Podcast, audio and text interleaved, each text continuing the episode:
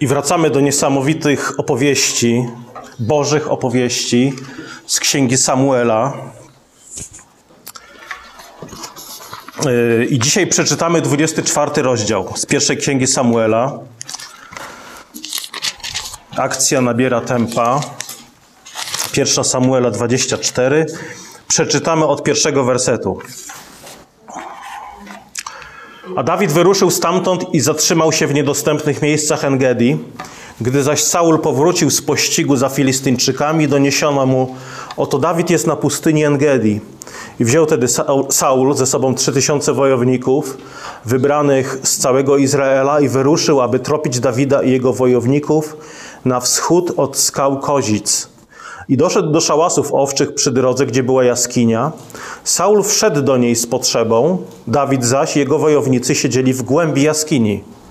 I rzekli wojownicy Dawida do niego: Oto dzień, o którym zapowiedział ci Pan. Wydam twoich wrogów w twoje ręce i będziesz mógł zrobić z nimi, co będziesz zechciał, co będziesz chciał. Wstał tedy Dawid i uciął ukradkiem kraj płaszcza Saulowego.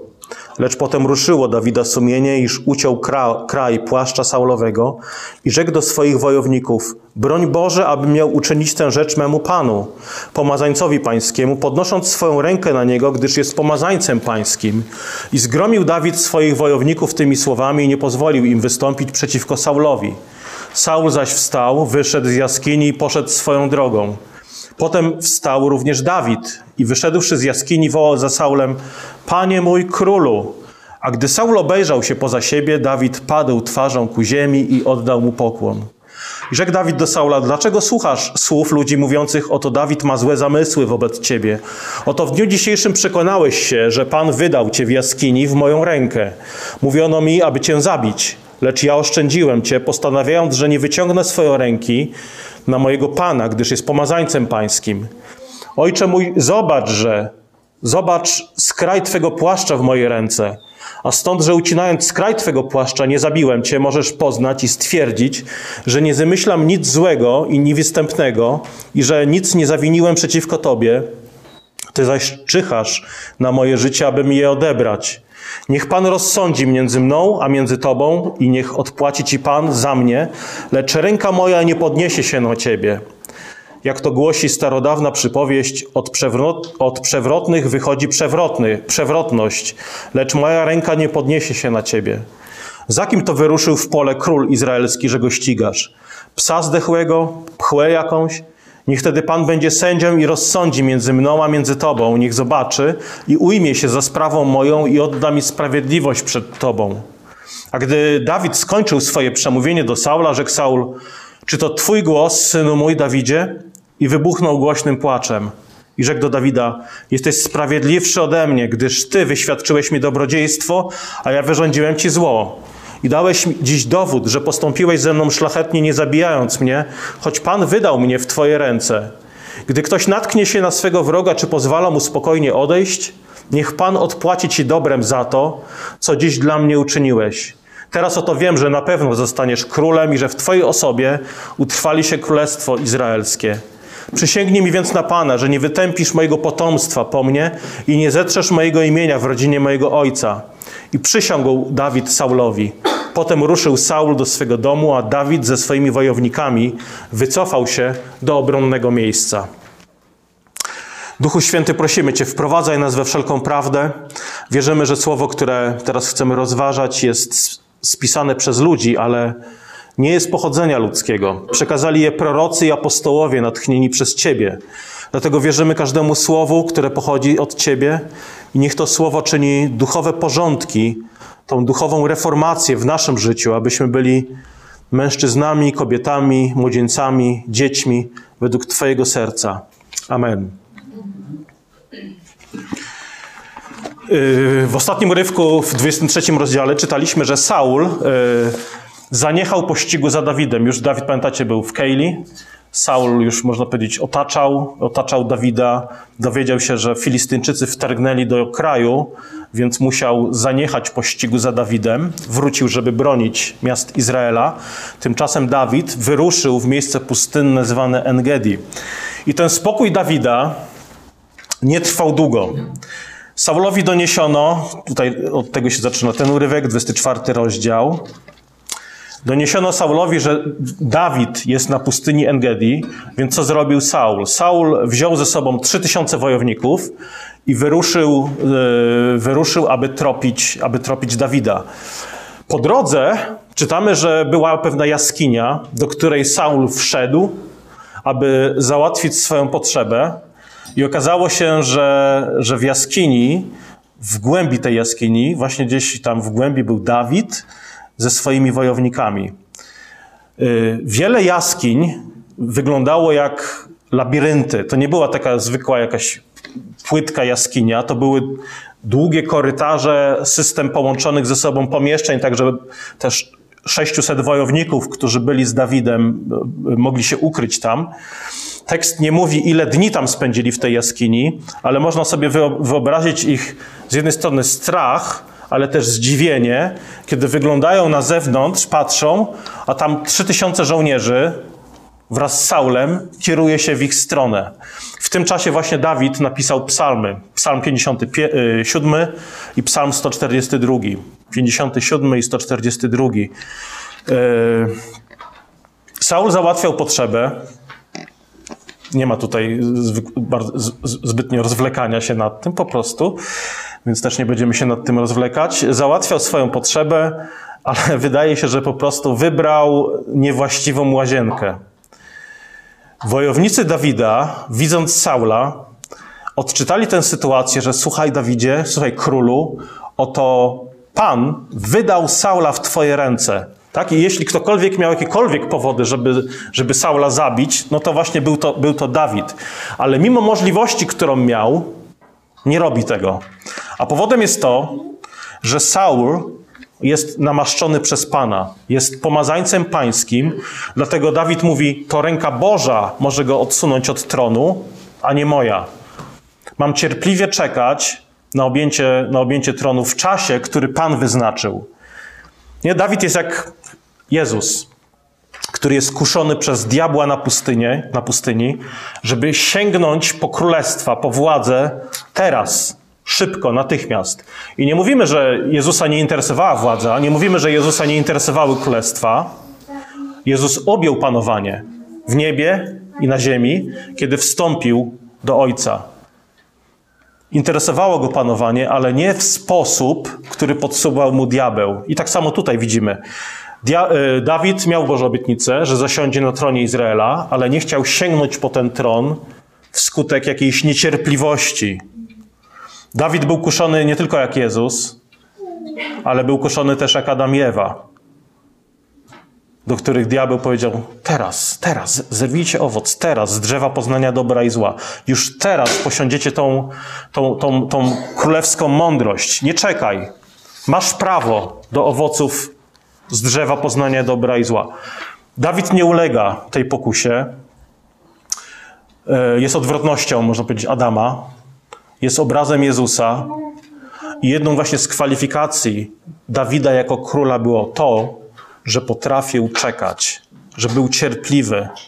I w zasadzie to jest cecha, która jest niezbędna dla wszystkich przywódców, nie tylko w kościele, ale wszyscy mamy dążyć do tego. Umiejętności panowania nad sobą i powstrzymywania pragnienia, na przykład zemsty, jakiejś małostkowości, czy sięgania po coś, co może kiedyś będzie należało do nas, ale jeszcze nie teraz. I Dawid, Dawid powstrzymuje swoich ludzi, Dawid wręcz, wręcz napomina i gromi ich. To są wersety 7 i 8.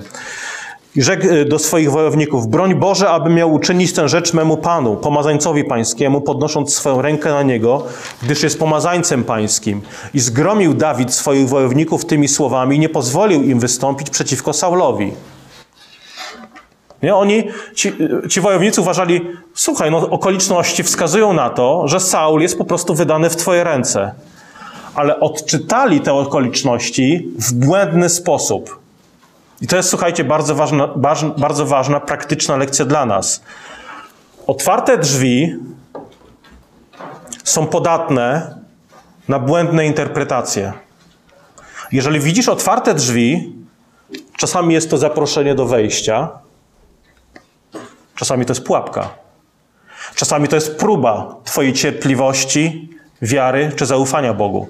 I teraz, jeżeli widzimy otwarte drzwi, oczywiście niektórzy mają tendencję, żeby powiedzieć: Ach, Pan otwiera te drzwi przede mną, chwała Bogu. I interpretujemy otwarte drzwi w sposób zupełnie niezależny od Bożej wypowiedzi. Jak więc mamy podjąć decyzję? Co, co te otwarte drzwi oznaczają? No, mamy się kierować mądrością Bożego Słowa.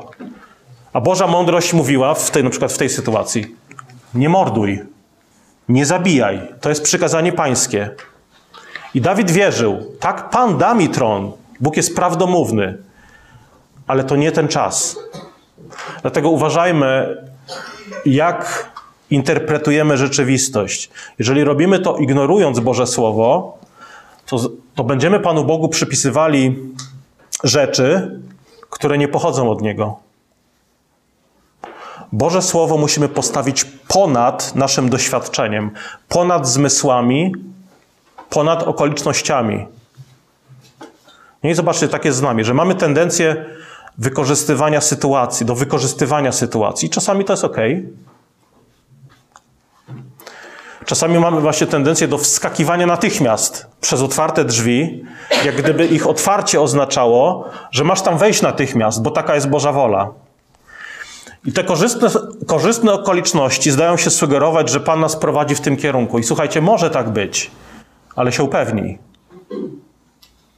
Upewnij się z Bożym Słowem w ręku. Oczywiście czasami nie znajdziesz wersetu, nie? że przez te drzwi musisz wejść, ale masz Bożą mądrość, którą powinieneś się kierować, podejmując decyzję. Tutaj Saul, można powiedzieć, załatwia swoją potrzebę, woje pewnie czekają tam na zewnątrz jaskini, on jest sam wewnątrz, jest podany, można powiedzieć, na talerzu Dawidowi. I jego wojownicy mówią, no pan, pan dał ci Saula, pan wydał go w nasze ręce. Tak? Ludzie Dawida tak myśleli, ale Dawid oparł się tej radzie. Dawid odebrał to jako próbę jego prawości i wybrał prawość ponad tą opatrznościową możliwością, którą miał. Także słuchajcie, okoliczności Bożej opatrzności, okoliczności, w których się znajdujesz, nie znoszą Bożych zasad, które są w Piśmie Świętym. Czasami otwarte drzwi dobrze jest, czasami oznaczają, tak, Bóg mówi, otwieram ci możliwości, korzystaj z nich, bo może już za pół roku takiej możliwości nie będzie. Ale upewnij się z modlitwą, rozeznaniem, szukaniem rad u innych. Dawid lituje się nad Saulem, nie zabija go, ale co robi? Ucina kawałek jego, e, kawałek jego płaszcza, który Saul, pewnie załatwiając swoją potrzebę, pewnie gdzieś ten płaszcz może położył gdzieś na kamieniu. Dawid odciął ten kawałek szaty i czytamy, że natychmiast ruszyło nim sumienie. E, wtedy Dawid wstał, uciął, uciął, uciął ukradkiem kraj płaszcza Saulowego, lecz potem ruszyło Dawida sumienie, iż uciął kraj płaszcza Saulowego. Czyli zobaczcie, nawet mały, można powiedzieć, akt buntu, zaraz powiem dlaczego to był akt buntu, yy, którym był atak na, można powiedzieć, symbol pozycji Saula, czyli jego płaszcz. Ten mały, nawet mały akt buntu obciąża sumienie Dawida. To jest też jedna z różnic między wierzącym a niewierzącym. Kiedy niewierzący popełnia grzech, macha ręką i mówi: Mam nadzieję, że nikt nie widział, mam nadzieję, że wszyscy zapomną, czas leczy rany, bla, bla, bla, szuka jakichś tysiąc jeden powodów. Natomiast kiedy wierzący, człowiek narodzony z Ducha Świętego popełnia grzech, jego sumienie jest utrapione, trapi się i idzie z tym do Boga, wyznaje ten grzech, jest niespokojny tak długo, aż nie pojedna się z Bogiem czy z ludźmi. Dlaczego, dlaczego e, ucięcie kawałka płaszcza saulowego było czymś niewłaściwym? Ponieważ Szata była symbolem urzędu. W Biblii szata bardzo często symbolizuje urząd. Pamiętacie, kiedy Dawid otrzymał, nie Dawid, Józef, kiedy otrzymał szatę od Jakuba, bracia mu zazdrościli. Szata była symbolem jego autorytetu, jego urzędu. Kiedy Saul rozdarł szatę Samuela w 14 rozdziale, Saul odebrał to też jako atak na autorytet prorocki, na urząd i powiedział: Królestwo będzie ci odebrane. Atak na szatę jest atakiem na autorytet osoby, która ją nosi. I Dawid zdał sobie sprawę, że jest to grzech. Tak? To tak jakby dzisiaj ktoś zaatakował, nie wiem, policjanta. I co prawda nie ranił go, ale powiedzmy tam mundur w jakiś sposób poszarpał, nie? No to to jest brak szacunku dla urzędu, który ten mundur reprezentuje. Także szata w Biblii jest symbolem urzędu, nie jest sposobem tam, nie wiem, wynoszenia się. Tak jak niektórzy mówią, a czemu ty pastorze nosisz, nie wiem, koloratka, nie krawat, jak w jakichś tam niektórych ewangelicznych kościołach. I teraz nie chodzi o jakieś wywyższanie się, bo wierzymy w powszechne kapłaństwo i że każdy z nas ma bezpośredni dostęp do Chrystusa, nie przez pośrednictwo księdza, pastora, biskupa i tak dalej, ale szata symbolizuje urząd. Szata symbolizuje urząd. yy, dlatego na przykład podczas jakichś demonstracji ulicznych nie powinniśmy akceptować takich rzeczy jak na przykład palenie kukły jakiegoś rządzącego albo jakiegoś yy, obrazu z wizerunkiem prezydenta czy premiera. Jeżeli ktoś paliłby takie rzeczy, no to to jest, to jest yy, brak szacunku dla urzędu, który ta osoba sprawuje. W liście do Rzymian apostoł Paweł, jeszcze a propos autorytetu i urzędów, w liście do Rzymian y, w 13 rozdziale apostoł Paweł uczy nas, że wszystkie autorytety są ustanowione przez Boga, a ten, który walczy, opiera się autorytetowi, walczy z Bogiem. Mówi o władzy. I teraz zadajmy pytanie, czy, czy Dawid szanował autorytet, który Bóg ustanowił w Izraelu? Czy szanował autorytet Saula? No odpowiedź brzmi jak najbardziej, absolutnie, ze wszechmiar tak. Szanował namaszczonego pa przez Pana w sposób, który naprawdę może nas wprowadzić w zachwyt. Szanował Saula. I teraz drugie pytanie. Czy Dawid zrobił to, czego oczekiwał od niego Saul? Czy Dawid przestał uciekać, kiedy Saul tego oczekiwał? Czy, czy, czy, czy przestał się ukrywać, kiedy Saul tego od niego żądał? Czy Dawid oddał się dobrowolnie w ręce Saula, bo przecież szanował jego pozycję? No oczywiście nie. I teraz słuchajcie, połączmy te dwie rzeczy razem.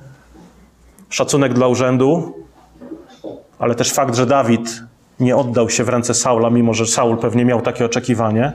Połączymy te dwie rzeczy razem i zobaczymy, że uszanowanie autorytetów ustanowionych przez Boga nie oznacza akceptacji ich historii, ich narracji, ich interpretacji rzeczywistości, ich przekonań.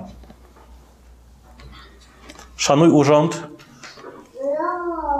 nakładając jednocześnie Boże standardy ponad działania władzy. Saul, kiedy wyszedł z jaskini, usłyszał Dawida. Dawid wtedy też dał się poznać. Dawid wychodzi również i czytamy tak, od dziewiątego wersetu. Potem wstał również Dawid i wyszedłszy z jaskini wołał za Saulem, Panie mój królu, a gdy, Dawid obej- a gdy Saul obejrzał się za siebie, Dawid padł twarzą ku ziemi i oddał mu pokłon. I rzekł Dawid do Saula, dlaczego słuchasz słów ludzi mówiących, oto Dawid ma złe zamysły wobec ciebie? Nie? Czemu słuchasz takich, takich bzdur, że ktoś nastawia ciebie przeciwko mnie? Yy, oto w dniu dzisiejszym przekonałeś się, że Pan wydał cię w jaskini w moją rękę. Mówiono mi, aby cię zabić, lecz ja oszczędziłem cię, postanowiąc, że nie wyciągnę mojej ręki na mojego Pana, gdyż jest pomazańcem pańskim. Ojcze mój, zobacz, że zobacz skraj tego płaszcza w mojej ręce, a stąd, że ucinając skraj twego płaszcza nie zabiłem cię, możesz poznać i stwierdzić, że nie zamyślam nic złego, ni występnego, i że nic nie zawiniłem przeciwko Tobie, Ty zaś czyhasz na moje życie, aby mi je odebrać. Niech Pan rozsądzi między mną a między Tobą i niech Ci odpłaci Pan za mnie, lecz ręka moja nie podniesie się na Ciebie. Zobaczcie jego słowa, jak, jak bardzo są nacechowane pokorą. Dawidowi zależy na pojednaniu, na pokoju, daje dowód swojej lojalności i miłosierdzia. Mówi do Saula: Panie mój, królu. Nawet nazywa go ojcem. Ojcze mój, zobacz, że składa mu pokłon. Daje do zrozumienia, że słuchaj, przybywam w pokoju, nie, nie mam nic do ciebie. Nie zamierzam walczyć z tobą, nie zamierzam ci odebrać twojego urzędu ani tronu. odnosi się do niego z respektem. Dawid jest jak, znowu kolejny przykład, jak Jezus, o którym czytamy, że bez przyczyny go znienawidzili. I Dawid się nie tylko nie mści, zobaczcie, że zwraca się do Saula, tego, który mu złożyczy i poluje na niego, w słowach uprzejmości. Księga Przypowieści 15.1. Łagodna odpowiedź uśmierza gniew, lecz przykre słowo wywołuje gniew. Łagodna odpowiedź uśmierza gniew, lecz przykre słowo wywołuje złość. Zobaczcie, co się dzieje, kiedy idziesz do osoby, do której jesteś uprzedzony z taką postawą. Może nie dosłownie oczywiście, ale mam, nadzie- mam na myśli postawę. Kiedy idziesz do osoby w ten sposób, to licz się z tym, że odpowiedź tej osoby będzie taka.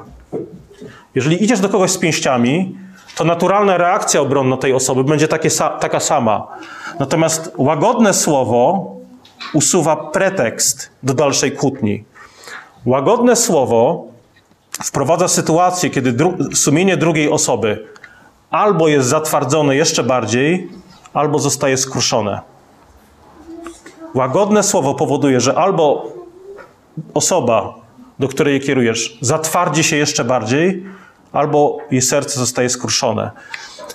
Przypowieści 25-21. Jeśli łagnie twój nieprzyjaciel, nakarm go chlebem. Nieprzyjaciel, nakarm go chlebem. Jeśli łaknie, napój go wodą, bo wtedy rozżarzone węgle zgarniesz na jego głowę, a Pan ci odpłaci. W liście do Rzymian podobne słowa 12-19. Najmilsi, nie mścijcie się sami, ale pozostawcie to gniewowi Bożemu, albowiem napisano: Pomsta do mnie należy, ja odpłacę, mówi Pan. Jeśli łaknie twój nieprzyjaciel, nakarm go, jeśli pragnie, napój go, bo czyniąc to węgle rozżarzone zgarniesz na jego głowę. Nie daj się zwyciężyć złu, ale zło dobrem zwyciężaj, mówi Paweł. Czyli siłą Dawida nie było to, że ciachnął, odciął łeb Saulowi, że zwyciężył, że go zabił. Gdyby to zrobił, byłaby to słabość. Jego siłą była uprzejmość, łagodność, respekt, samoopanowanie, wiara, miłosierdzie, owoce Ducha Świętego. W tym była siła, która spowodowała skruchę u Saula. Salomon, syn Dawida, jeszcze jeden werset z, z przypowieści. Salomon napisał takie słowa. Więcej wart jest cierpliwy niż bohater, a ten, kto opanowuje siebie samego, więcej znaczy niż zdobywca miasta. Jeżeli opanowujesz siebie samego, jesteś większym bohaterem niż zdobywca miasta. Jest to trudniejsza sztuka. Kawałek szaty w ręce Dawida, który pokazał Saulowi, był dowodem, że naprawdę byłem blisko ciebie. Nie skrzywdziłem cię, zobacz, nie skrzywdziłem cię, mimo że miałem taki, taką możliwość. I Saul zaakceptował to. Tak, rzeczywiście. Dawid miał możliwość uśmiercenia mnie, i potem co się dzieje? Saul wybucha płaczem. Saul zaczyna płakać, i czytamy takie słowa. 17 werset. A gdy Dawid skończył swoje przemówienie do Saula, rzekł Saul, czy to twój głos, synu mój Dawidzie? I wybuchnął głośnym płaczem. I rzekł do Dawida, jesteś sprawiedliwszy ode mnie, gdyż ty wyświadczyłeś mi dobrodziejstwo, a ja wyrządziłem ci zło. I dałeś dziś dowód, że postąpiłeś ze mną szlachetnie, nie zabijając mnie, choć Pan wydał mnie w twoje ręce. Gdy ktoś natknie się na swego wroga, czy pozwala mu spokojnie odejść, niech Pan odpłaci ci dobrem za to, co dziś dla mnie uczyniłeś. Teraz oto wiem, że na pewno zostaniesz królem i że w Twojej osobie utrwali się królestwo izraelskie. Przysięgnij mi więc na Pana, że nie wytępisz mojego potomstwa po mnie i nie zetrzesz mojego imienia w rodzinie mego ojca. Zobaczcie, jaka zmiana w nim nastąpiła. A wszystko, wiązało, wszystko zaczęło się od łaski, od miłosierdzia Dawida, od respektu, od yy, łagodnego słowa. Widać w Saulu tą emocjonalną zmianę. Łzy Saula były prawdziwe, słowa Saula były szczere. Jedyny problem, który był z Saulem, był taki, że ta zmiana nie trwała zbyt długo. Dlatego, że dwa rozdziały dalej, w 26 rozdziale, czytamy, że ponownie, on ponownie tropi Dawida I kiedy znów wyznaje, zgrzeszyłem, zgrzeszy, znowu to wyznaje, zgrzeszyłem, Dawid już jest taki lekko zdystansowany, znaczy przyjmuje to, ale nie do końca wierzy w jego wiarygodność. Jest ostrożny. I zobaczcie, ten płacz y, Saula pokazuje, że jest różnica między pobożnym smutkiem, który sprawia upamiętanie, i światowym smutkiem, który sprawia śmierć. O tym mówi apostoł Paweł w liście do Koryntian 7:10. Drugi list do Koryntian 7:10. Jest smutek światowy, który sprawia śmierć i pobożny smutek, który sprawia upamiętanie. Nie? Są dwa rodzaje smutków. Smutek Saula był realny. Nie musimy tutaj powątpiewać, że a, to było, to było takie to było aktors, aktorzenie takie. Nie, był, był realny, ale nie był poparty prawdziwym opamiętaniem z grzechu. Zobaczcie, nawet do Dawida mówi: Ty jesteś sprawiedliwszy ode mnie. Nie mówi: Ty jesteś sprawiedliwy, a ja jestem niegodziwy. On się porównuje, jesteś sprawiedliwszy ode. Ja jestem też w miarę sprawiedliwy, ale ty jesteś sprawiedliwszy ode mnie. Nie mówi, że jesteś sprawiedliwy, ja, ja zgrzeszyłem. Jestem niegodziwy, wybacz mi. Nigdy Saul też nie był bardziej ewangelizowany niż tamtego dnia przez Dawida. Mimo to tak naprawdę nigdy nie zmienił swojego kursu. Towarzyszyły mu różne emocje, ale te emocje nie szły w parze ze zmianą życia. I to jest kolejne zastosowanie dla nas, że, takie, że emocje smutku albo radości, rozpaczy albo euforii nie są jeszcze dowodem, że idziesz we właściwą stronę, albo że Pan Bóg jest ci przychylny, albo nieprzychylny.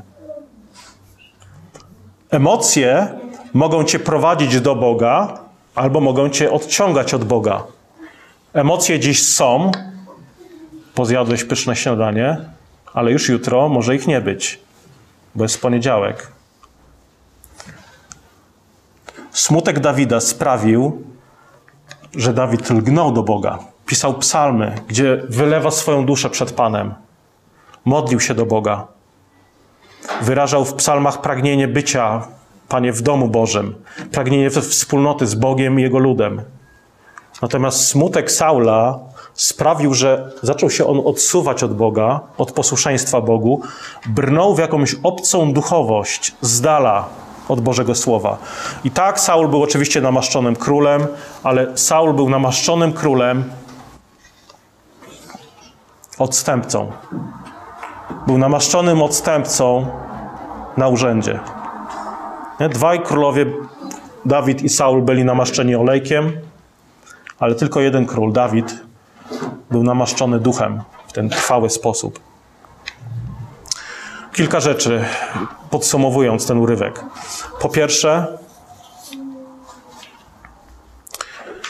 pamiętaj, że otwarte drzwi jeszcze nie oznaczają, że Bóg się do ciebie uśmiecha. To może być na przykład chwila próby w Twoim życiu. To może być oczywiście dowód przychylności Bożej, pewna okazja czy możliwość, którą ci daje, ale szukaj pewnej też mądrości w Bożym Słowie u innych. Czy te otwarte drzwi, czy mam przez nie wejść? Czy to jest, bo widzę, że są takie możliwości.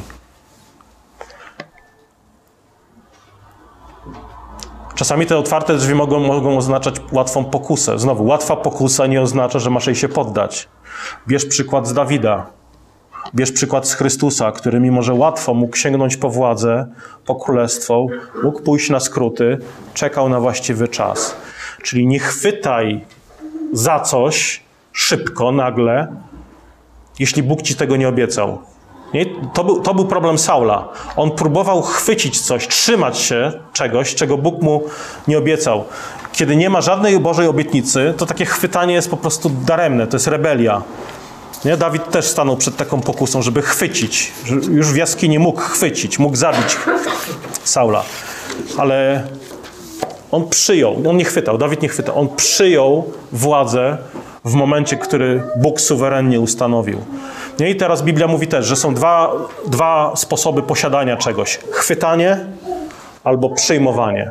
Kiedy mamy Bożą obietnicę, chwytanie jest nie tylko niepotrzebne, ale też przynosi efekt odwrotny do zamierzonego. Nie wystarczy, że ktoś powie: yy, Ja chcę władzy dobrego, a nie chcę władzy złego. Ja chcę Dawida na tronie, a nie Saula. No, no super, że chcesz Dawida, ale powinno nam też zależeć, żeby tron był ustanowiony na sprawiedliwości, oparty na sprawiedliwości. Druga rzecz. W liście do Hebrajczyków czytamy takie słowa 10:30. Znamy przecież tego, który powiedział: Do mnie należy pomsta i ja odpłacę. I znowu Pan sądzić będzie lud swój. Bóg mówi, że on on jest Avengersem, czyli mścicielem. Jego zadaniem, yy, mówię o Dawidzie teraz, zadaniem Dawida było zachować się porządnie, być posłusznym i oddać posłuszeństwo w ręce Boże. Co Bóg z tym zrobi, to jest Boży biznes. Ja mam zachować wierność. Wiara, że pomsta należy do Boga, a nie do nas, pozwala nam uciec od grzechu, pozwala nam wyznać prawdziwie nasz grzech. Wiara w to, że to Bóg jest mścicielem, a nie my, pozwala nam kochać wrogów. Pozwala nam też nie być podatnymi na jakieś wulgaryzmy, jakieś niesłuszne oskarżenia, ponieważ jesteś w ręku sprawiedliwego Boga. Nie musisz po prostu odgrywać roli mściciela. Zostaw to Bogu. Ty bądź wierny. On, on sobie poradzi. Nie wyręczaj go. Przypomnij sobie psalmy. Nie zachowuj się jak mściciel. Pomsta do mnie należy, mówi Pan. Ty bądź wierny. Kochaj, przebaczaj, służ innym. I jeszcze jedna rzecz. Nie możesz wziąć tej historii i powiedzieć: bądź jak Dawid, nie bądź jak Saul. Gdybyśmy powiedzieli, że sednem tej historii jest to, bądź jak Dawid, nie bądź jak Saul, gdybym na tym, gdyby to było moje dzisiejsze poselstwo, to bylibyście dzisiaj na lekcji etyki. To byłby jakiś po prostu moralizm. Ale Biblia to nie jest podręcznik etyki. To jest księga o dobrej nowinie, to jest księga o Chrystusie, który przemienia świat. Nie możesz powiedzieć, ja chcę być jak. No, możemy w pewnym sensie uczyć od Dawida, ale dla, dlaczego? Widząc w nim obraz Chrystusa. Drugi problem z tym stwierdzeniem, bądź jak Dawid, nie bądź jak Saul, jest taki, że każdy z nas jest jak Saul. Kiedy czytamy tą historię, oczywiście w naszej przewrotności często myślimy, a nie, to ja jestem jak Dawid, a on jest jak Saul. Nie. Jeżeli tak myślisz, to jesteś jak Saul. Każdy z nas ma tendencję, żeby odczytywać historię jak Saul. Ja, ja, ja jestem w centrum. Wszystko wokół mnie się kręci. Ja muszę utrzymać swoją władzę, swoją pozycję. Ja jestem w centrum. Zachowujemy się jak Saul. Jesteśmy małostkowi, mściwi, pamiętliwi i ruszamy za tym Dawidem. Dobra nowina mówi o tym, że to, czego ty nie możesz zrobić, zrobił Bóg, posyłając swojego syna. On umarł, zmartwychwstał, wstąpił do nieba, aby ustanowić wieczne królestwo. Jeżeli chcesz żyć w wiecznym królestwie Chrystusa, udaj się z wiarą do Niego. On ci nie tylko wybaczy grzechy, ale będzie cię przemieniał w mocy Ducha Świętego. Dlatego Ewangelia, dobra nowina, jest dobrą nowiną nie tylko dla niewierzących. To nie jest tak, że Ewangelię to głosimy tylko na zewnątrz, gdzieś tam do ludzi, którzy nie zaufali Bogu. Nie? To, to, to był błąd Galacjan, którzy sądzili, że skoro jesteśmy w zborze, jesteśmy ochrzczeni, jesteśmy chrześcijanami, to dobra nowina nas nie dotyczy. I Paweł przypomina im: słuchajcie, zaczęliście w duchu, a kończycie na ciele. Nie, zaczynamy od Ewangelii i żyjemy Ewangelią. Bez tego zostanie nam spór. Kto jest Saulem, kto jest Dawidem, ty jesteś jak Saul, nie, jestem, ja jestem jak Dawid. Nie, potrzebujesz Jezusa, Jego łaski, Jego mocy. I to nie tylko kiedyś, kiedy wracasz pamięcią do swojego nawrócenia, ale potrzebujesz życia Ewangelią każdego dnia. Pomódmy się. Miłosierny Boże, jedynie Ty jesteś prawdziwie wierny.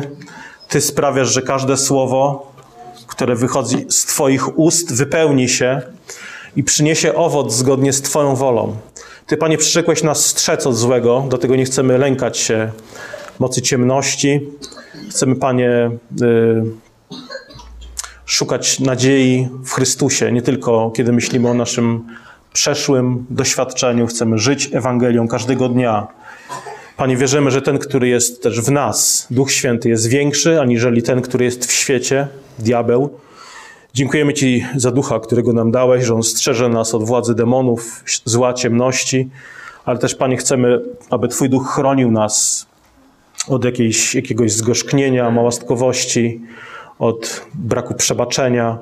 Daj, Panie, abyśmy wylewali duszę przed Tobą, tak jak Dawid, abyśmy yy, z respektem szacunkiem traktowali każdego bliźniego. Dziękujemy, Panie, za zachętę Twojego słowa. Prosimy Cię, aby ono otwierało nasze oczy, uszy, usta, abyśmy chwalili Ciebie, naszego dobrego Ojca w niebie. Amen.